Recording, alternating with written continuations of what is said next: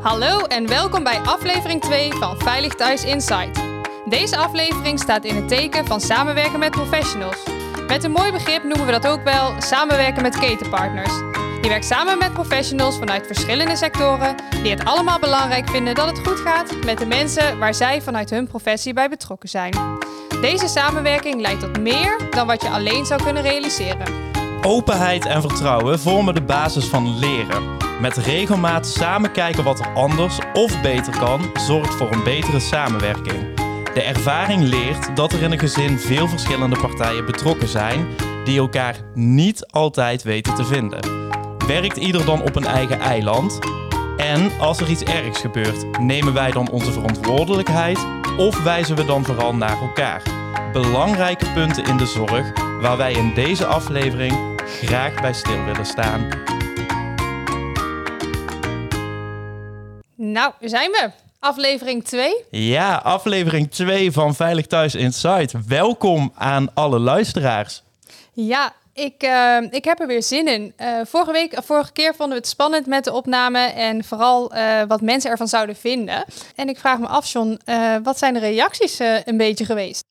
Ja, wat zijn de reacties geweest? Um, best wel leuke reacties gehad. Mensen die zeiden dat het interessant is dat ze zo een inkijkje kregen in wie veilig thuis is, wat we doen. Nou ja, wat er allemaal bij komt kijken als veilig thuis zijnde. En ook wel met een positieve vibe. En die vond ik wel heel fijn, want we willen natuurlijk informatief zijn, maar het moet ook wel een beetje luchtig, want het onderwerp is al, nou ja, zwaar genoeg. Zeker. Ja, en ik denk ook, ik heb ook een beetje dezelfde reacties teruggekeken. Ook van mensen die Veilig Thuis niet kennen. Dat ze aangaven dat het inderdaad een goed beeld gaf. Wel kreeg ik ook terug dat hoe Veilig Thuis er van binnen uitziet, dat dat nog niet voor iedereen bekend is. Dus op het moment dat je Veilig Thuis niet kent, dan is het misschien lastig om daar gelijk een koppeling naar te maken. Dus dat was nog wel een interessant waarvan ik dacht, die moeten we meenemen. Ja, dat is wel een hele goeie. Maar daar gaan we dan in een andere aflevering nog iets dieper op in. Ja, zeker. En die kreeg ik ook wel terug. We maakten heel veel gebruik van begrippen die wij als nou ja, professional heel goed kennen, maar die voor een andere luisteraar misschien iets moeilijker zijn. Dus die moeten we proberen een beetje te voorkomen. Goeie, gaan we vandaag opletten? Gaan we opletten, yes. En dan denk ik dat we zijn aangekomen bij het voorstellen van onze gast van vandaag. En dat is Jurin de Weijer. Jurin, welkom. Super fijn dat je aan wil sluiten bij onze tweede aflevering, die volledig in het teken staat van samenwerken met professionals. Um, nou ja, jij bent zelf werkzaam bij Farent in het crisisinterventieteam. En ik ga jou gewoon meteen het woord geven. Vertel even wie je bent en wat is Farent en wat doe je voor werk? Nou, allereerst fijn dat ik er de tweede keer al bij mag zijn. Dat zegt iets over hoe hoog de lat ligt. Maar nee, heel leuk. Uh, nee, ik ben uh, inderdaad Joren de Weijer. Ik ben uh, werkzaam bij Farent al 21 jaar. En coördineer daar en ben zelf uitvoerend medewerker van het crisis- en interventieteam. En Farent is onder andere maatschappelijk werk en welzijnsorganisatie. Voortgekomen uit een fusie drie jaar geleden. Het crisis-interventieteam is echt iets ja, eigenlijk een soort van nieuw product uh, sinds twee jaar. Crisisdienst uh, buiten kantooruren hadden we altijd al wel binnen vooral het maatschappelijk werk. Mm -hmm. Maar ik heb altijd de ambitie gehad van, ik wil er eigenlijk een 7 keer 24 uur dienst van maken. En dan nu binnen een bredere organisatie, omdat uh, maatschappelijk werk en welzijn en alles wat daar verder bij hoort gefuseerd is. en je gaf aan, uh, crisisinterventieteam, uh, daar coördineer en uh, ben je ook uitvoerend medewerker. Ja, ja. en het valt onder verrent maatschappelijk werk. Zou je iets meer kunnen vertellen wat maatschappelijk werk inhoudt? Waarvoor kun je bij jullie als verrent zijnde terecht? Eigenlijk voor heel veel. Mensen kunnen op allerlei manieren tijdelijk vastlopen uh, in hun leven door allerlei omstandigheden of een stukje de regie over hun eigen leven tijdelijk kwijt zijn. En het is belangrijk dat mensen ook eigenlijk weer het goede zetje krijgen om uiteindelijk weer grip op of hun eigen problemen te krijgen. Want het is niet zozeer dat we dat nou gaan overnemen. We zijn natuurlijk wel thuis en gespecialiseerd in om mensen de juiste ondersteuning te bieden van, uh, om uiteindelijk ook weer ja, baas over hun eigen problematiek te worden. En eigenlijk weer meer grip terug te vinden in hun leven. Ja, denk aan mensen die financiële problemen hebben. Eh, hoe pak je dat aan? Waar begin je? Ja. Ehm, tot aan eh, mensen die relatieproblemen hebben ehm, in, in de opvoeding met hun kinderen tegen problemen aanlopen. Daarnaast zijn we ook in, in wijken aanwezig, kijkend naar ehm, en ondersteuning richting jongeren die van alles willen, ook in de stad of dorp, wat er niet altijd is. Nou, hoe vind je daar de aansluiting bij? Mantelzorgondersteuning. Varent is ook een organisatie die veel vrijwilligers onder zich heeft en... dus eigenlijk doen we heel veel. Maar vooral gericht op, als er problemen zijn, kunnen ze opgelost worden. En het is belangrijk dat mensen zelf weer grip op hun eigen leven krijgen. Ja, dus jullie zijn zij- eigenlijk zelf ook gewoon heel outreachend. Ja. Dus meteen een begrip waarvan ik denk, hmm, misschien is dit er eentje die ze Leg dan maar bedoelen. uit. Ja, dat je outreachend wil dan zeggen dat je eh, zelf als professional of als eh, organi- organisatie zijnde erop uitgaat. En dat, ehm, kijk, je kunt van mensen verwachten van dat ze die verantwoordelijkheid zelf kunnen nemen. Maar soms is het ook best wel lastig van, en is het misschien soms makkelijk om, om dekens over je hoofd te trekken en denken van, ik heb het probleem niet. Ja. Ja. waarom dan niet het omdraaien en naar mensen toe gaan? Het zegt niks over dat ze hun problemen niet op willen lossen of er geen verantwoordelijkheid voor willen nemen. Maar dan maak je net het gebaar de andere kant op. En het kan soms veel makkelijker werken dan mensen iets hebben. Oh, fijn dat je dat gedaan hebt, want nou, Ja. de eerste stap is gezet. Ja. Nou wil ik wel. Ik denk dat we even een eh, start gaan maken. Dankjewel trouwens. Ehm, dat we een start gaan maken met eh, de vraag van vorige week. Eh, John is heel blij met, met, de- met dit deuntje. Ja, ik heb heel, heel erg mijn best gedaan om leuke deuntjes te zoeken. Dus iedere keer als de gelegenheid er komt van, oh, het gaat over de vraag van, gooien we hem erin. Ja, even, dit is wel een leuke. We gingen net oef- oefenen met eh, even opnemen. Loopt het goed eh, qua geluid? En toen gingen we jou voorstellen en toen wilden we het klaphandje. en toen deed John de per ongeluk de verkeerde. Toen deed, ja, misschien Ja, oh ja, misschien moeten we het even, even nabootsen. Ehm, het ging zo, ja, onze gast van vandaag, Joerin de Weijer, welkom. En toen was het, Joerin de Weijer. Ja, dus dat was wel een beetje jammer. We dachten, die fout mogen we niet nog een keer maken. Maar eerlijk als ze zijn, geven we het wel toe. Ja. En ik zit er nog, dus... eh, Ja, precies. Dat is heel fijn. Hey, de, de vraag van vorige week eh, die is gesteld door onze mm, eh, manager Judith van der Akker. En dat is een vraag voor jou. Waar krijg jij van en in het werk met of voor Veilig Thuis energie van? contact met de verschillende collega's. Volgens mij hebben we samen iets te doen. Maar die ook begint met eigenlijk ook vaak van als je elkaar weer tegenkomt van goh, hoe is het? Krijg je echt heel veel energie van ja, gewoon de leuke contacten met de medewerkers. Eh dankjewel. Ja, en eh, we parkeren de vraag van vandaag even. Want aan het einde van deze opname komen we er even op terug. En mag jij je vraag stellen voor de Ja. volgende gast? Ja. Dus hou die even vast. Ik denk dat we naar de stellingen kunnen. En we gaan het anders doen eh, deze keer dan dat we het de vorige keer hebben gedaan. We gaan namelijk eh, de stellingen eerst voorlezen. En eh, dan gaat Juren aangeven of dat hij het ermee eens of oneens is. En eh, later geeft hij daar misschien een genuanceerdere toelichting op. Ehm, maar eh, laten we daar eens mee beginnen. Dat doen we eigenlijk om de mensen een beetje te prikkelen om wel te blijven luisteren. Want waarom is iemand het er wel of niet mee eens? En kun je daar dan zo stellig wel of niet nou mee eens zijn? Ja. ja, dat doen we toch. Gewoon Open. open, ja. Wij zijn open, eerlijk en transparant. ja. Goed, ehm, we gaan de stellingen doen. De eerste, Veilig Thuis heeft alle expertise in huis. Nee, daar ben ik het niet mee eens. Zodra Veilig Thuis betrokken is, zijn zij volledig aan zet. Nee, daar ben ik het ook niet mee eens. De lange wachtlijsten binnen de zorg zorgen ervoor dat mensen niet meer geholpen willen worden. Nee. Oké, nou, hey, Allemaal oneens. alle stellingen oneens. Ja, Nou ja, laten we dan gewoon de eerste meteen doen. Eh, Veilig Thuis heeft alle expertise in huis. Jij geeft aan oneens. Kun je die iets meer toelichten?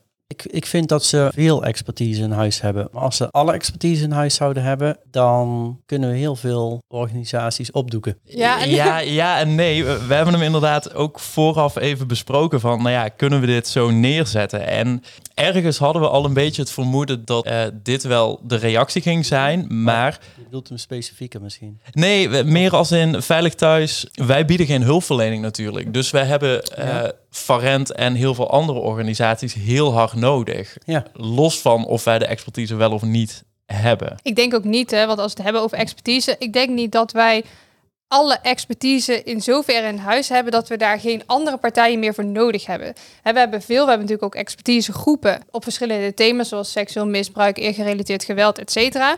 Eh, maar dat is toch anders dan wanneer je elk moment van de dag, van je week, je werkweek daarmee bezig bent. Want hebben jullie bij eh, Varent, heb je daar ook echt een verdeling in expertises of mensen die bijvoorbeeld zich echt richten op de jongeren, mensen die echt uh, outreachen naar jongeren toe gaan, mensen die zich meer richten op het stukje volwassen problematiek? Ja. ja, dus we hebben echt de collega's die, die daar ook vooral heel leuk en interessant vinden om zich met jongeren bezig te houden. En collega's die graag de mantelzorgondersteuning tot het algemeen maatschappelijk werk, wat dan vaak toch wel de kant van de, de volwassenen opgaat. En op het moment dat jullie merken van dit is een vraag die eigenlijk buiten onze mogelijkheden ligt, of we hebben hier geen expertise in, hoe gaan jullie daar dan mee om? Het hebben van een goed netwerk van uh, professionals, nou, op, op, op alle manieren contacten hebben. En dat is niet alleen in de zorg, maar dat gaat ook. We hebben bijvoorbeeld ook een prima samenwerking met een bed and breakfast, waar we mensen onder kunnen brengen.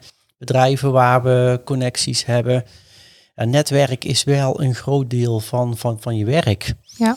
Omdat je dan eigenlijk een soort van beeld hebt van als ik iets zelf niet in huis heb of ik heb er vragen over, dan weet je de juiste mensen te vinden. En dan moet je ook van jezelf durven accepteren dat je gewoon niet alles kunt en hoeft te weten. Dat soms veel handiger, slimmer en tijdsbesparender is als je die ander weet te vinden. En zegt, ja, goh, ik heb een vraag, dat weet ik niet, maar vertel eens. Ja, en je hebt elkaar daarin ook gewoon heel hard nodig. Ja, absoluut. Ja. Um, laten we gewoon naar de volgende gaan. Zodra Veilig Thuis betrokken is, zijn zij volledig aan zet. Ja, jij gaf uh, in de eerste ja. reactie al aan, ja. ja. ben ik het niet mee eens. Nee. Um, vertel. Nee. Nou, misschien zijn ze het als je het, het, probleem wat iemand heeft heel erg terug kunt brengen naar alleen wat dan van veilig thuis is. Dus het echt gaat over van, er zit een aspect van veiligheid aan. Um, en hoe wordt het weer veilig? Of ja, mijn ervaring is eigenlijk anders. Dus um, er speelt veel meer, ook op andere leefgebieden. Wat maakt dat er situaties van onveiligheid kunnen ontstaan. Ja, ben je dan daar als veilig thuis in totaliteit verantwoordelijk voor? Ik denk het niet. Nee, ja, ik ben heel dus... blij dat je dat zo zegt, inderdaad. Um, ik, ik denk dat wij hem nog wel vaak anders merken. En nou ja, ik denk dat het soms ook te maken heeft met een stukje nou ja, onvermogen of angst om te handelen misschien. Maar heel vaak krijgen wij te horen van ja, uh, jullie zijn van veilig thuis en het gaat niet goed in het gezin. Uh, dus jullie zijn nu aan zet, jullie moeten daar iets mee. En wij richten ons dan op die directe nou ja, onveiligheid.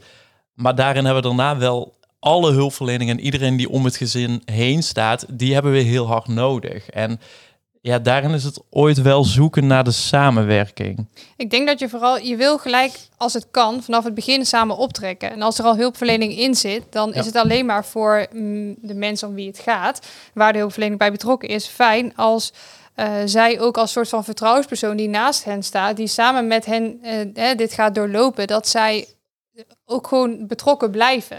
Uh, en dat zij gelijk kunnen oppakken wat nodig is. En ik denk dat je daarin wel gewoon een belangrijke samenwerking uh, aan moet gaan met elkaar. Om het voor de mensen zo goed mogelijk te doen. Ja, ja, maar ik denk dat twee verschillende dingen zijn. Op het moment dat een instantie of iemand tegen jullie zegt van goh, maar nu zijn jullie aan zet. Dan kun je je afvragen, jullie werken met een, eh, een problematiek. Mm -hmm. um, en die roept natuurlijk ook wel bij mensen heel veel op. Daar vinden ze spannend, daar vinden ze eng, daar kunnen dingen, daar kunnen ja, dingen niet goed gaan. Dus op het moment dat je dan kunt zeggen, nu, ben, nu zijn jullie ervan, dan zeg je eigenlijk, ik weet het niet goed. Of ik voel me onmachtig, of ik zit daar niet goed in. En dan is de eerste reflex, oh wat fijn. Uh, als Veilig Thuis daar nou helemaal overneemt, dan hoef ik me niet meer ongemakkelijk te voelen. Terwijl, daar gaat het niet om. Het gaat erover van hoe communiceer je met elkaar van dat je een onderbuikgevoel hebt dat hulpverleners hebben. Dat prima. Ja. Uh, maar dat wil niet zeggen van als ik het dan maar een loketje doorschuif, dan ben ik daar vanaf. Nee, nee. je kunt een hele wezenlijke functie nog hebben in het contact met mensen. En dan moet je het gaan hebben over van hoe doe je dat dan samen. Ja. Kijk, wij zijn natuurlijk wel, als het gaat om veiligheid, dan zijn wij er wel om te kijken wat er nodig is om ja. veiligheid te creëren. En daar willen wij als Veilig Thuis natuurlijk ook altijd over meedenken. Wie er ook binnen gezin zit, hoeveel professionals er ook betrokken zijn. Um, daar willen wij altijd over meedenken. Adviserend over meedenken, letterlijk aansluiten bij gesprekken. En ik denk dat daarin ook gewoon um, mensen ons, ja, professionals ons altijd kunnen benaderen. Ja, Ja. Ja, ja en soms ook wel de, ehm, de moeilijke keuzes maken die nodig zijn om de veiligheid te herstellen, die moeten wij dan maken. Mhm. Ehm, ik, ik merk dat je soms als betrokken medewerker van Veilig Thuis al snel als de, moe, de boeman gezien wordt. Omdat wij dan zeggen van ja, eh, jongens, dit kan zo echt niet verder. We moeten deze afspraak met elkaar maken of we moeten ervoor zorgen dat die veiligheid herstelt. Dus we moeten nu even met hele harde Ja. nou ja, hele harde eisen komen. En dat is iets wat alleen wij dan kunnen. Maar vervolgens hebben we dan iedereen daaromheen wel weer nodig om ervoor te zorgen dat iedereen zich aan de afspraken houdt. En je wilt het liefst ook met elkaar, natuurlijk met de direct betrokkenen, die zijn het belangrijkste. Maar met de hulpverlening ook kijken, wat is ook haalbaar? Wij kunnen zeggen, dit vinden wij belangrijk. Maar als dat niet haalbaar is, dan moeten we gaan kijken met hulpverlening en de direct betrokkenen. Wat is wel haalbaar en hoe gaan we dat doen? Ja. En ik denk dat hulpverleners die kennen vaak de direct betrokkenen beter dan dat wij kennen. Want wij komen even om de hoek. Hè, even om de hoek kijken. En moeten eh, er, of moeten, maar vinden er dan iets van? En zo'n hulpverlener, die kent de mensen en die kan ook echt investeren in een samenwerkingsrelatie met mensen eh, en zicht krijgen op hoe we dit het beste kunnen doen. Ik denk dat de direct betrokkenen daar zelf ook een heel goed beeld van hebben en dat ook heel goed kunnen aangeven, maar soms vinden ze het ook misschien lastig. Eh, en dan is het fijn dat er iemand is die daarin met jou mee kan denken of die vragen kan stellen die daarbij kunnen helpen. Dus ehm, ik Ja, denk niet het dat... is, het is een soort van verwachtingsmanagement wat je met elkaar hebt aan de voorkant. En ik denk dat dat vaak wordt overgeslagen. Dus dan kom ik met een bepaalde verwachting naar jullie toe. Ehm, en als je het daar niet over hebt en jullie spreken of handelen vanuit jullie verwachting richting mij, dan ga je een soort van scheve communicatie krijgen. En die, die, die komt op een vreemd, eh, raar moment komt die dan op tafel. Ja. En dan moet je dan nog gaan terugschakelen, terwijl het vaak aan de voorkant belangrijk is. Zo van, nou ja, maar kennen we elkaar nou goed genoeg? En ehm, eh, wat mag ik van jullie verwachten? Wat mag je van mij verwachten? Zo van, kijken we wel de goede kant op samen. Ja, nou ja, ik Het denk is- dat dat een hele goede is inderdaad. De- Als je met elkaar betrokken bent in een gezin of bij mensen, zoek die afstemming. En waarvoor ben jij betrokken? Waarvoor zijn wij betrokken? Wat kunnen we met en van elkaar leren? Ja. En nou, ik denk het allerbelangrijkste van alles, hoe kunnen we de mensen helpen om de veiligheid weer te herstellen en om weer nou ja, in hun eigen gezin of met elkaar weer vooruit te kunnen. Dan gaan we denk ik naar de Ik laatste wou zeggen, ik denk dat we naar de laatste kunnen. Ja. Ja. zover? Ja, ehm, even kijken. De lange wachtlijsten binnen de zorg zorgen ervoor dat mensen niet meer geholpen willen worden. Ja, jij gaf natuurlijk aan oneens. Kun je hem iets verder toelichten? Ik denk dat ze die hulp nog steeds willen. Maar dat er natuurlijk onder andere frustratie ontstaat als je lang moet wachten. Ja, soms kan een wachtlijst echt therapeutisch werken. In die zin van mensen jagen zichzelf toch weer net iets meer aan. Of vinden een andere manier om hun probleem op te lossen. Dat is wel bewezen dat dat ook het effect van een, een, een wachtlijst kan zijn. De andere kant is, als je het al moeilijk vindt om naar de buitenwereld toe te treden van ik heb een probleem, en vervolgens moet je wachten, ja, dan kun je ook weer het effect hebben van dat je eigenlijk jezelf nog veel meer terugtrekt en de hoop nog meer opgeeft. Dan is het eigenlijk ook weer de kunst van op het moment dat mensen natuurlijk wel de recht op de zorg hebben of de zaakjes aan de beurt zijn. Ja, hoe maak je dan als je weet dat je zelf een wachtlijst hebt, hoe maak je dan toch beweging naar mensen toe van ja, dat je gewoon ook erkent dat vervelend is, maar dat je eigenlijk nu vooral aan de slag wil met elkaar. En soms doen wij ook, soms simpelweg ons kaartje geven op vrijdagmiddag om drie uur en zeggen van goh, ik weet dat om vijf uur alles en iedereen dicht is en dat weekend misschien voor jou heel lang is tot maandagochtend. Hier heb je het kaartje. Als er iets aan de hand is en het, en het mocht crisis worden, bel. We zijn 7 keer 24 uur te bereiken. En dat dat vaak voor mensen al voldoende is. En dan is het niet eens nodig. Maar het idee dat ze weten van, ik kan er gebruik van maken. En er is in, in ieder geval iemand open of bereikbaar. Ja. Ja, kan eh, vaak wel heel erg helpend zijn. Ja, want dat is wel iets waar wij ook tegenaan lopen. Soms is een wachtlijst zo lang en dan ben je dus betrokken vanuit die onveiligheid. En dan eh, zeg je, nou, dit is er nodig aan de hulpverlening, dus daar gaan we jullie voor aanmelden. Dat vinden de mensen dan goed, want er is inderdaad iets nodig. En vervolgens staan ze daar nog zes, zeven, acht maanden op de wachtlijst. Komt er één keer een gesprek en ja, geven mensen ook aan van ja, ondertussen hebben we het zelf allemaal al opgelost. En omdat er dus al zoveel uh, wachtlijsten zijn en omdat het overal heel druk is, geeft die hulpverlener ook aan van nou ja, prima, als jij verder geen hulpvraag hebt, dan sluiten we hem hier af. Maar ondertussen liggen er nog wel hulpvragen. En ja, die, die vind ik dan best lastig. Want dan zijn de mensen in eerste instantie oké. en dan wordt er niet, daar hebben we weer outreachend genoeg gewerkt. om de mensen ook echt bij je te houden. Terwijl die mogelijkheid er wel was. Maar omdat het dus zo druk is, wordt ook sneller gewoon gezegd: ja, prima, uh, geen zorgvraag, klaar, afgerond. En ja, ik, ik denk dan wel, um, de mensen die in eerste instantie geholpen willen worden, die willen dan uiteindelijk ook geen hulp meer. Want die denken, ja, uh, het duurt allemaal zo lang en dan heb ik één keer een gesprek en daar is het dan. Ja, daar heb ik niet zo heel veel aan. Mensen denken misschien ook wel eens, hoe belangrijk is het echt? Hè? Kijk, op het moment dat mensen zich vrijwillig bij jullie aanmelden als vriend zijnde, want ik heb een hulpvraag, dan is het al een andere ingang dan dat wij vanuit Veilig Thuis betrokken zijn. En op basis van onze betrokkenheid zegt van nou, deze onveiligheden zien we en we denken dat het goed is dat deze hulpverlening erin komt. Vinden mensen het meteen oké omdat ze het zelf zien. En soms hebben ze wat meer moeite mee omdat ze het of nog zelf niet zien of er anders tegenaan kijken. En dan kan ik me voorstellen dat mensen dan op een gegeven moment zeggen, als wij zeggen van nou, wij vinden het echt belangrijk dat deze hulpverlening er komt. Maar we zetten, jullie komen op een wachtlijst van zes maanden. Dat mensen ook denken, ja, hoe belangrijk vinden jullie het dan? Want ja, zoveel, uh, als het zo belangrijk was, dan hadden we nu wel hulp kunnen krijgen. Kijk, zonder tot een excuus te maken, maar dan proberen mensen natuurlijk ook uit te leggen van, goh ja, we zouden het ook graag anders willen. Maar is het nou een belemmering of kunnen we er een kans van maken? En hoe gaat u of hoe gaan we met elkaar die wachttijdperiode goed overbruggen? En was daarin nodig? Maar hij eigenlijk mensen ook gewoon weer op hun volwassenheid en hun eigen kracht uh, inschatten. En dat zij, zij, dat zelf ook weer gaan zien in plaats van, nou dan ben ik totaal afhankelijk van een instantie. Ja. Nee, dat ben je nooit. Maar goed. Wel een mooie insteek denk ik om zo met mensen het gesprek aan te gaan. Uh, dat je in het begin zullen sommigen misschien denken van oké, maar jij gaat mij helpen, dus zeg maar wat ik moet doen en dan doe ik dat. Maar ik denk dat aan het einde van de rit daar mensen inderdaad wat meer aan hebben. En maar begrijp ik het goed dat op het moment dat mensen zich aanmelden bij jullie of worden aangemeld bij jullie uh, en er is sprake van een wachtlijst, dat jullie wel in het begin nog investeren in een gesprek met de mensen om even te kijken hoe je die periode dus kunt overbruggen van aanmelding tot aan de beurt zijn.